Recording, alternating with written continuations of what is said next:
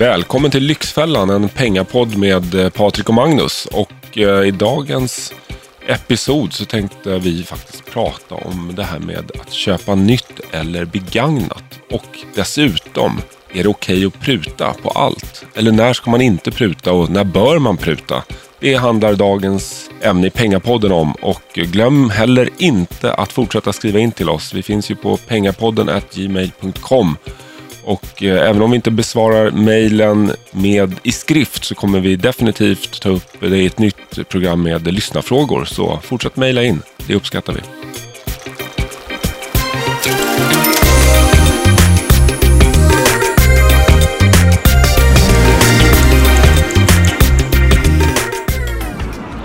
Händer det att du prutar någon gång? Jag är en prutare, definitivt. Man kan ju ganska enkelt kategorisera oss människor i prutare eller icke-prutare. och då förstår man nästan direkt vilken typ av person man är. Ja. Nej, men jag har, jag har aldrig haft direkt problem med att pruta. För mig har det kommit naturligt. Allt ifrån när man var utomlands som barn och på stranden skulle köpa några billiga solglasögon eller en plånbok som inte hade äkta skinn. Liksom. Då, då, var det ju, då är det standard att pruta. Det är väl där vi svenskar lär oss att pruta. Det är på något sätt mer okej okay när man är utomlands på marknaden. Ja. Eh, men eh, jag tycker det är, ju, det är ju sällan man har så bra timpenning som när man prutar. Ja, men säg att du ska ja. köpa en ny, eller, eller säg att du ska köpa en begagnad bil för 200 000. Och så lyckas du i alla fall få ner den där till 190 000 och att de slänger, ner, slänger med vinterdäck mm. som kanske är värda 10 000. Jag menar, den diskussionen tar troligtvis inte mer än fem minuter. Om det blir en långbänk så är det en halvtimme. Och så har du fått ner det 20 000. 20 000 på en halvtimme, det är bra timpenning. Det är bra timpenning, ja. Mm. Nej, så, så att, ja. ja. men jag tycker att vi, vi är för dåliga generellt på att pruta i Sverige. Det är, att det, det är pinsamt att pruta. Jag brukar till och med skämta när jag går på ICA eller liknande. När de slår in i kassan så säger de så här, 447 kronor. Är det det bästa priset du kan ge mig idag? Mm. det, är, det är ett skämt och det är glimten i ögat, men det är, liksom, det är så långt bort ifrån. Alltså, där kan man ju inte pruta i vår värld. Nej, men jag tänker också, det, det är olika lägen där det är okej okay I bilsvängen som du var inne på här, det är ju givet nästan att man gör tjänstefel som kund om man inte prutar när man köper bil, känns det som. För det är, Ja, men det är i sakens natur. Det är sen gammalt. Det är sen gammalt. Att just bil, då är det okej okay att pruta. Ja, man ska alltid få med mattorna, gummimattorna åtminstone helt eh, kostnadsfritt. Mm. Om det är en ny bil. Men eh, som du säger, matbutiken, där är det inte läge. Men jag tänker som om du köper resa till exempel, också, som också är en större... Är du en prutare då? Ja, men jag är också... Jag prutar ju på, eh, på vissa saker.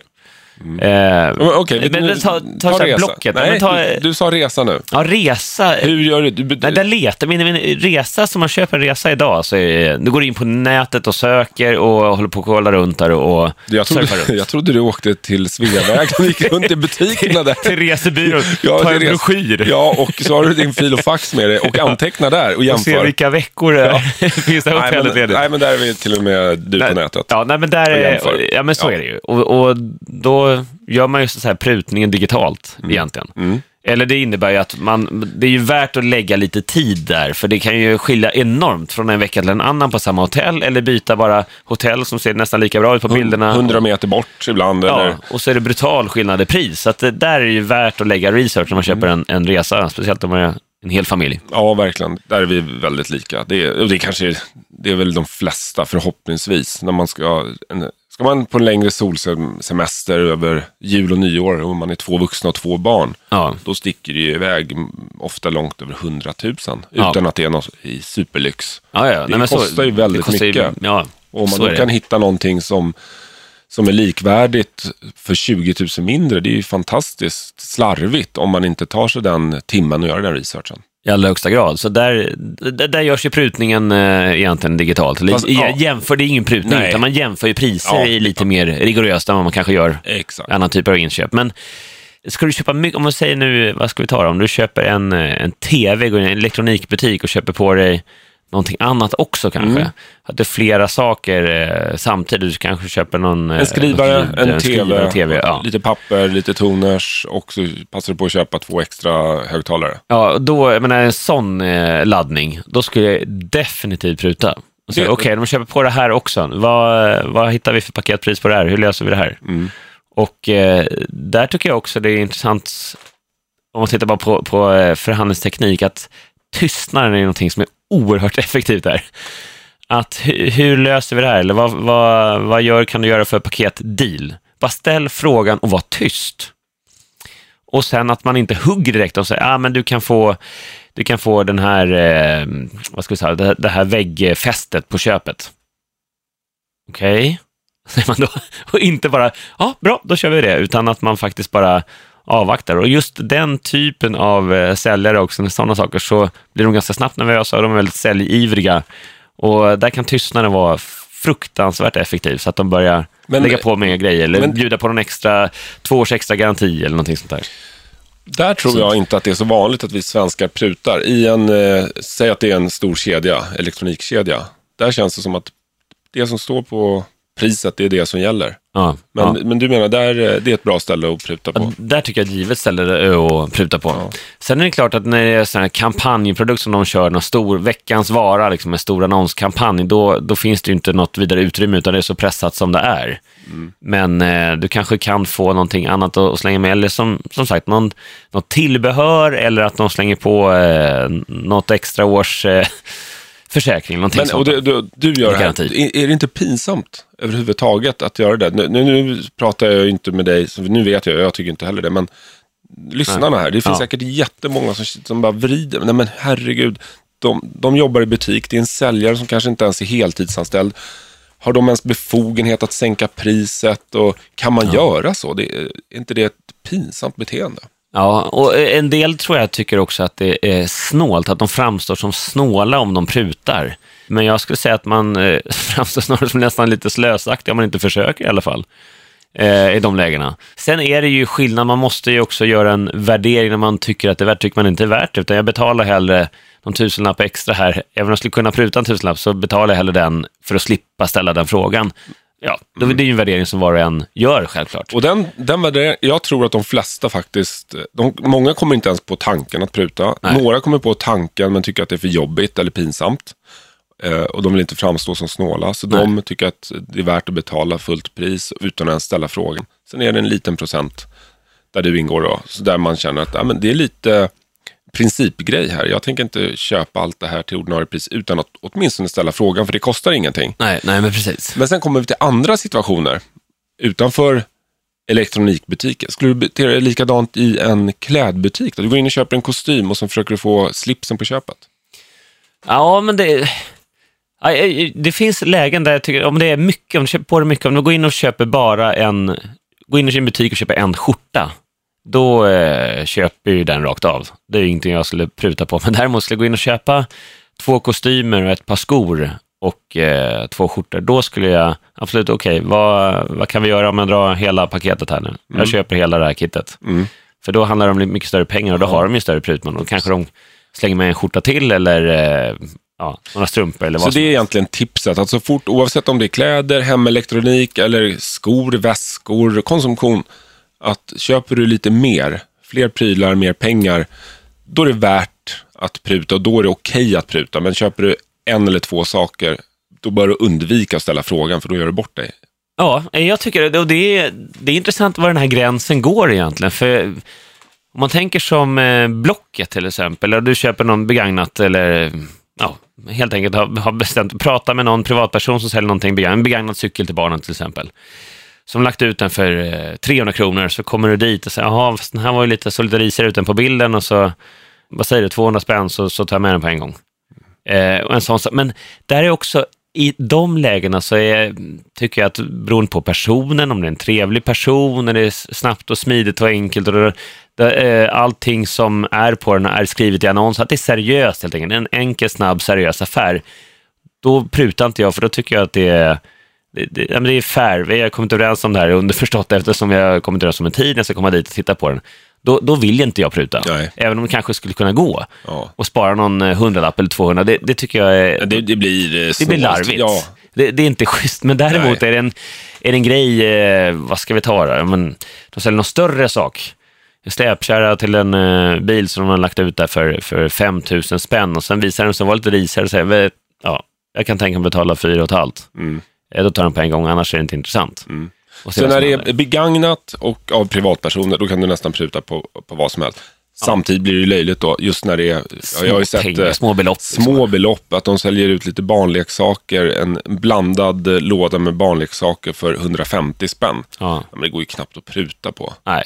Nej, men så är det. Det är ju löjligt. Ja. Däremot, när det kommer in på stora strategiska val vi gör i livet, bolån exempelvis, där är det ju ett, ett tabu att inte pruta, tycker jag. Ja, men så är det. Och det är ju jättemånga banker som har enorma marginaler nu. Jättemånga banker. Banken har jättemarginaler ska jag säga på våra bolån. Och det är för att vi, vi är dåliga på att pruta. Även om många har fått upp ögonen för att det faktiskt går att förhandla bolåneräntan så är det fortfarande extremt många som eh, sitter och betalar bankernas listpriser mm. utan att ens ha ställt frågan om om det går att fila lite på räntan. Ja, och nu finns det ett nytt regelverk där också, som att de är skyldiga att uppge sina snitträntor och det är en bra referensram också. Alltså med andra ord, inte listräntorna är vad deras prislista, vad de vill, vill ta betalt, vad det är för räntesats som gäller officiellt. Men eh, den snitträntan som är redovisningsskyldiga på nu, den visar ju då vad deras eh, snittkund faktiskt betalar mm. efter prutning. Det där har hjälpt väldigt många av oss att faktiskt kunna peka på snitträntan. Inte jag värd snittet åtminstone kan ju någon med dåligt ekonomiskt självförtroende säga. Ja. Och, den som har högt ekonomiskt självförtroende vet att okej, okay, snitträntan är 1,48. Mm. Det ska jag slå med eh, råge.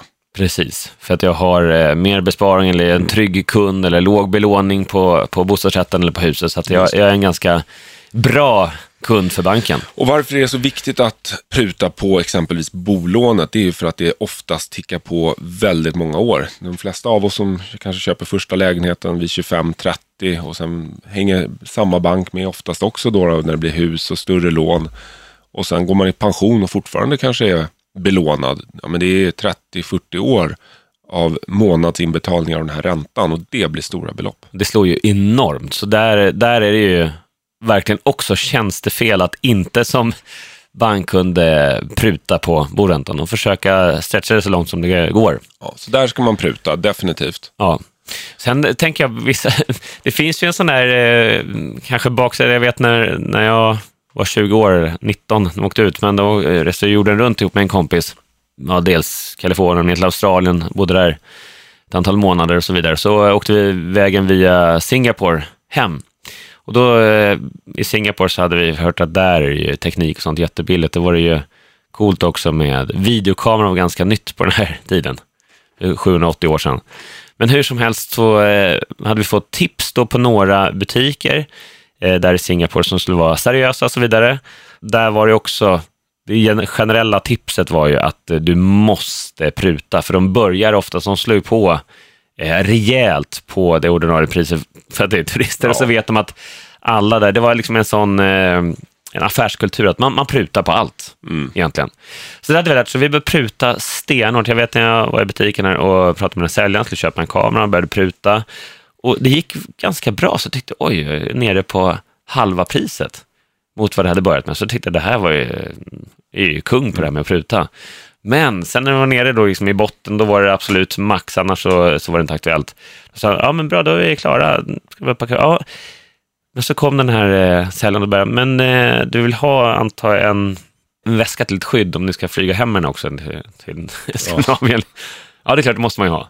Och sen började jag lägga på dem med eh, någon speciell lins och så vidare. Och det visade sig sen i efterhand fick vi reda på att eh, det är så de jobbar. Även sånt som följer med i standard i kartongen. Ja, det måste du betala Men, extra för. Eller de ja, låtsas som att det är extra de låtsas, Precis, så de prutar av. De prutar inte bara på priset, sen tar de, de prutar av på, grejer. de, ja, och så står de på det. Ja, ja. Så kanske inte kommer upp hela vägen, men en bit på vägen. Ja. Så att, eh, ibland... Eh, Nej, det, det gäller att veta vad man blåst. prutar på. Det vill säga, vad är det vi pratar om här? Är det hela paketet eller är det en tredjedel? Exakt. Av det varan som man då ska köpa. Tjänster då? Att pruta på en tjänst. Städning, om du anlitar städbolag hemma. Eh, vad ska vi ta mer? Du har eh, troligtvis eh, någon gång anlitat eh, hantverkare, hantverkare. hantverkstjänster, ja. ja. rörmokare, elektriker och så vidare. Mm. Ja. Om de säger att eh, jag tar 450 kronor i timmen plus moms. Ja. Är det läge där att säga att jaha, men om jag anlitar dig tio timmar kan du ge mig en volymrabatt då? Ja. Och där beror ju på, jag tycker är det fast pris, om de ska göra något, ett större jobb där man kommer överens om ett fast pris, då tycker jag absolut man ska pruta. Man ska i alla fall stöta och blöta lite den grejen. Men det är klart, går de på timme och på, på eh, löpande räkning, alltså att de, eh, jobbet får ta den tid det tar och varje timme tickar, då, då känns det som att om du prutar ner på timpriset så kommer de öka på timmarna, så att summa summarum blir det samma sak. Ja, du är Får jag känsla, lite, du är lite luttrad. Jag är lite luttrad där. Det är nog många av oss som är det. Ja, just med hantverkare. Jag alltså, det har jag också haft mycket. Ja, ja men du många hantverkare. Ja, verkligen. Men, men du tycker fast pris. Oftast så är det ju så om man begär ett fast pris, då tar ju hantverkaren höjd för Ja. Eh, för det också, så du kanske till och med betalar en premium ibland. Man vet ju inte, ibland blir det billigare att köra rörligt. Mm. Eh, men man riskerar, det är nästan som att ha fast eller rörlig bolåneränta. Jag tänkte säga, det är samma sak där. Ja. Man betalar en försäkringspremie, jag vet vad det här kommer kosta. Jag vet att det inte kostar mer än så här, Nej. ungefär så. Men, eh, Men troligtvis betalar jag lite extra för den tryggheten. Ja, och där kan man ju också skriva in i sådana avtal också att det är en fast fast del och om det skulle visa sig nu när vi river den här väggen att det, det dyker upp saker och ting som kommer kosta extra så, så får det läggas på. Mm. För annars är det så att många hantverkare tar väldigt höjd för det, att vi vet inte hur det ser ut här bakom och där. Mm. Då, då, tar man höjd för worst case scenariot. Mm. Eh, och då kan det bli väldigt mycket extra man betalar. Mm. Men, men det är i alla fall, hur, hur prutar man då med hantverkare? Det är kanske svårare att pruta på tjänster, alltså en människa som ska utföra ett jobb åt dig. Det är som att säga, jag tycker inte det är värt så mycket som du säger att det är värt. Så det, vad kan vi göra åt det? Liksom, det är lättare ja. att pruta på en produkt. Ja, men så är det. Men jag, tycker i, grund och botten, där, så det viktigaste är att man, eh, ska man nu anlita en hantverkare i någon form här, så tycker jag det är bra att man vet vad det är för jobb, att man definierar vad är det för jobb jag vill få gjort. Kanske lista ner det, skriver ner det så att det är på pränt. Det är de här sakerna, punkta ner i ett mejl eller någonting. Det är de här mm. sakerna jag vill ha hjälp med. Absolut, det tror jag är viktigt. Att, ja. Eller det är viktigt, det vet, det vet ju både du och jag. Att, man, ha, man är konkret skrift, Ha en skriftlig överenskommelse. Vad, ja. vad är det exakt och vad innebär det? Precis, vad innebär det? Och sen också då att man eh, faktiskt eh, tar in offerter från flera olika. Det tycker jag är det bästa sättet att pruta. Så då kanske man får in eh, ja, fyra olika offerter som, eh, som flexar ganska hårt. Men det kanske är den eh, dyraste eller näst dyraste som du eh, verkar, som du har fått bäst intryck av, som du skulle vilja anlita och vilja ha ha hem hos dig mm. och göra det här jobbet. Och att man då kanske istället, ja, vi är beredda att välja er, tycker ni är de som ger ett bäst intryck, men ni ligger 25 procent över eh, de, andra. de, andra. offerterna här. Och det, det är för stor skillnad. Kan vi, vad kan vi göra på priset så att vi, vi vill gärna anlita er? För då, då visar man god vilja, man visar att man litar på dem, man har fått förtroende för dem och egentligen är det en sån här Hall Nelson som man kallar i förhandlingssammanhang då, att man, eh, alltså om ni bara justerar priset så är jobbet ert. Mm. Då blir det en bra motivator, en bra morot mm. för de här för det här företaget, den här personen, att faktiskt eh, möta dig på något sätt ekonomiskt. ja, och då, och då, lite grann. ja, men det, det, är en bra grej, för då säger du ju att vi gillar er, vi vill helst att ni gör jobbet, men det, vi har inte möjlighet att betala 25 procent mer. Det, Nej. Då, då det är ett schysst då, sätt att pruta. Ja, men det är ett schysst sätt att pruta. Det är, ja. det är fair deal och sen är det de som tar beslutet. Det tycker jag är ett snyggt sätt. Okej, ett nytt scenario. Du befinner dig i Thailand och ska gå ner och ta din dagliga massage. Kostar, vad kostar 50-60 spänn svenska kronor. Ja, det är ju så... Det är så eh, eh, där tycker jag också, från situation till situation, i ett sånt läge så skulle jag känna att det är så lite pengar. Vad kostar en massage i Sverige här? Eh, så kostar det en 5, 6, 700 spänn för en halvtimme och eh, kostar 50 spänn eller så tänker jag att ja, men den här personen kommer behöva de här pengarna. Mm. Så jag skulle aldrig pruta på en, en 60 kronors massage till, till 40. Nej. Utan eh, är det bra så skulle jag kanske kunna till och med lämna en hundring. Ja, det är riktigt bra. Ja. Jag håller med dig i stort. Det är ju också lite PK att säga det. alltså politiskt korrekt. Ja. För det känns, men när man är på de här resorten eller stränderna i typ Thailand så ligger massage, eh, de ligger i bås efter varandra liksom. Och de, de har ju ganska hård konkurrens mellan sig verkar det som. Det skiljer ja. inte många kronor. Men eh, det kan i och för sig vara samma familj som driver alla de där och att de har kommit överens lite om hur de prissätter. Det kan också vara så att... Oligopol. Ja, eller så kan det vara sådana som, som vi då som kommer ner och tycker, åh vad, vad, vad, vad billigt det är. Och så tipp, eh, tippar vi, alltså man lämnar dricks istället ja. för att visa sin att man är nöjd och tycker det här är jättebra. Och det är det som också driver upp priserna. Så om man tar en massage för 50 spänn men man betalar 100, det sänder ju en signal till, till eh, de som utför tjänsten att vi är för billiga.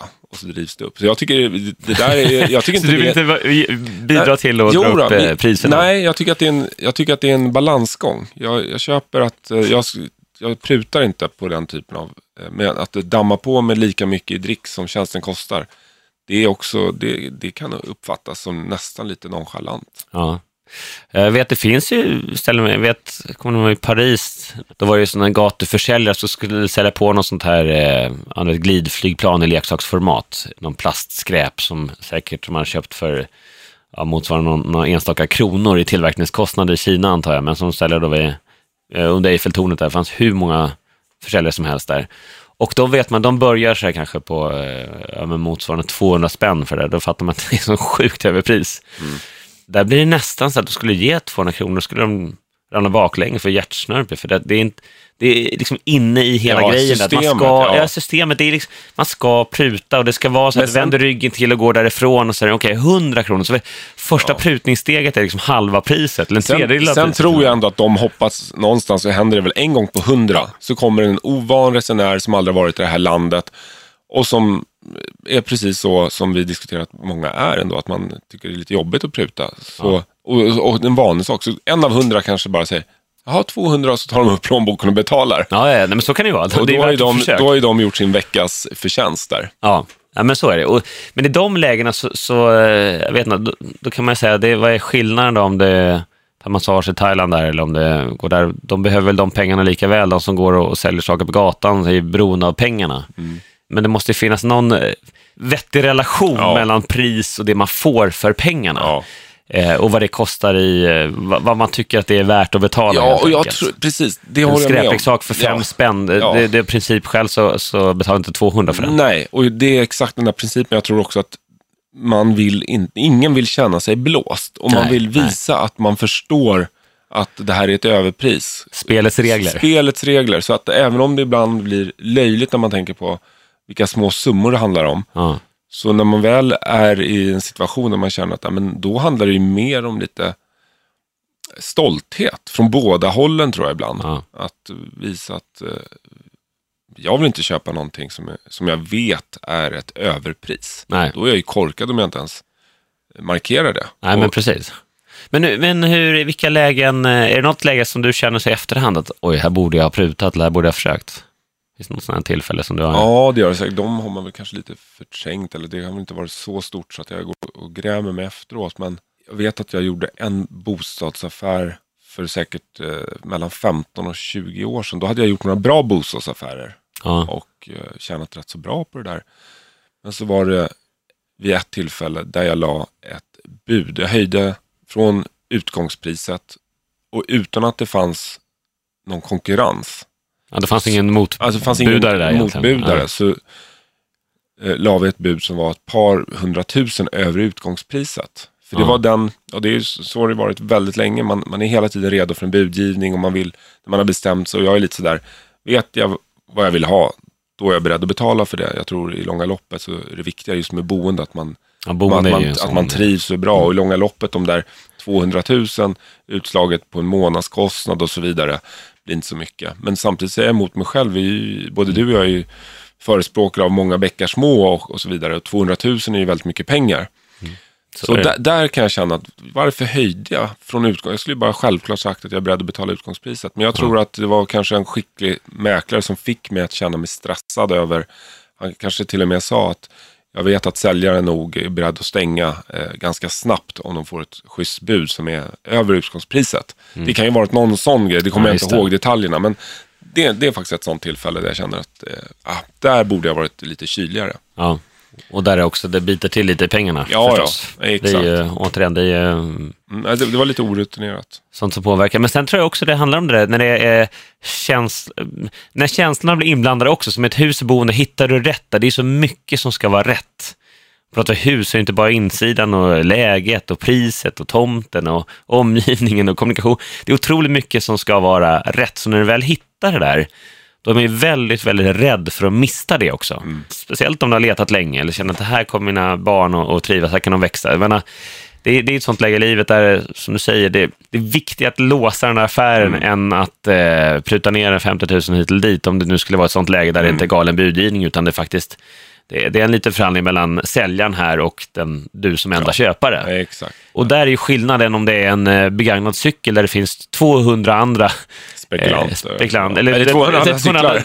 utbud, 200 ja, andra cyklar att välja på. Det spelar ingen större roll om det är den här eller den här. Nej. Eh, så, så du, har ingen, du är inte rädd för att missa den affären. Då finns det ju egentligen då ett större, en större prutmån. Mm. För det är klart att det är det bästa, ett av de bästa sätten också, eller en, en begagnad bil då, Alltså att, nej, men jag, eh, fear, och du vet, fear of loss. Fear of loss, ja. ja precis. Fear of loss-strategin. Men det är likadant där också. Nu för kan du se, lägger du ut en annons så kan du se när den är utlagd. Du vet, har den här bilen till exempel nu legat ute, eller den här soffan eller vad det än må vara, då, har legat ute nu under tre månaders tid. Och det är sån här röd pil neråt dessutom. De har sänkt priset. Det betyder att den här har varit svår. Eller den typen av kanske samma bil, samma typ av soffa, så ser du väldigt många som har sänkt priserna. Då vet man att det här är ganska kallt just nu då kan du ju ha mycket större prutmån förstås. Ja, det där, är man väl förberedd så är det lättare att pruta. Man vet, man, man, det är väl också en, ett råd att kunna den marknaden när man ska pruta. Om det är, om det är soffor just då, då, ett speciellt märke på soffa kanske, eller om det är bolån, eller om det är bilar. Läs på, gå in, följ utvecklingen, kolla vad andra får. Faktiskt, fast, faktiska slutpriser och inte bara ja.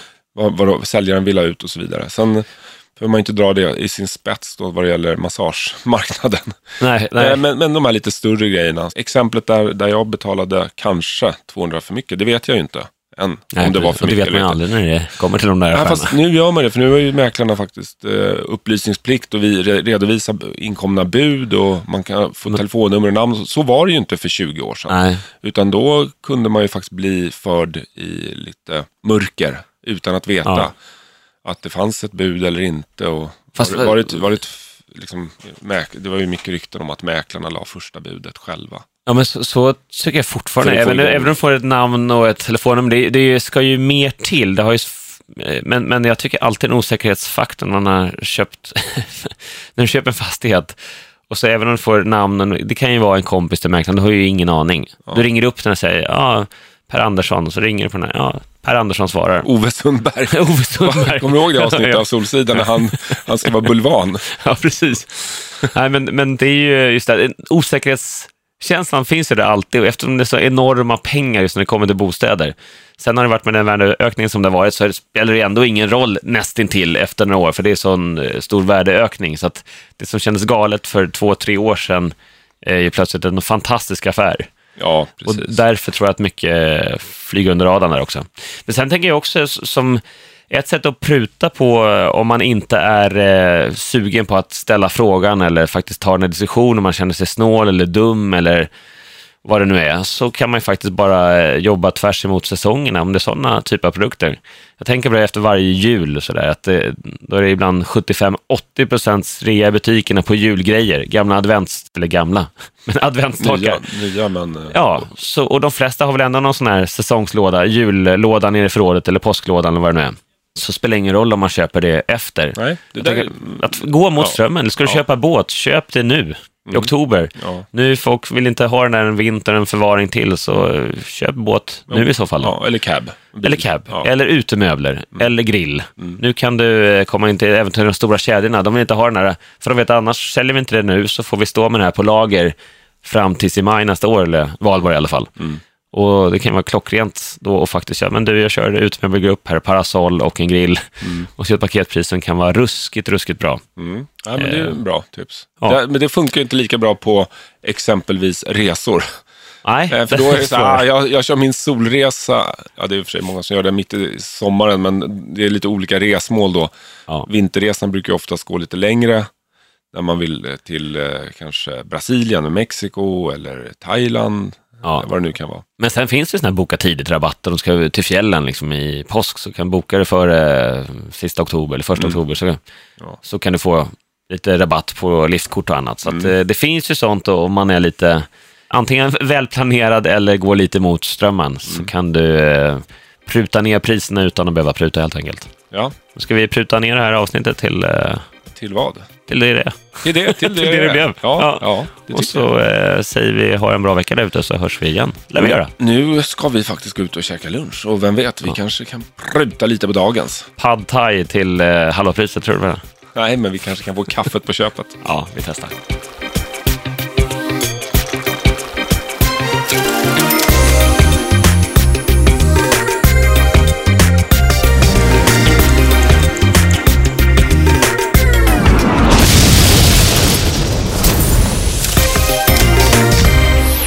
Produceras av I Like Radio. I like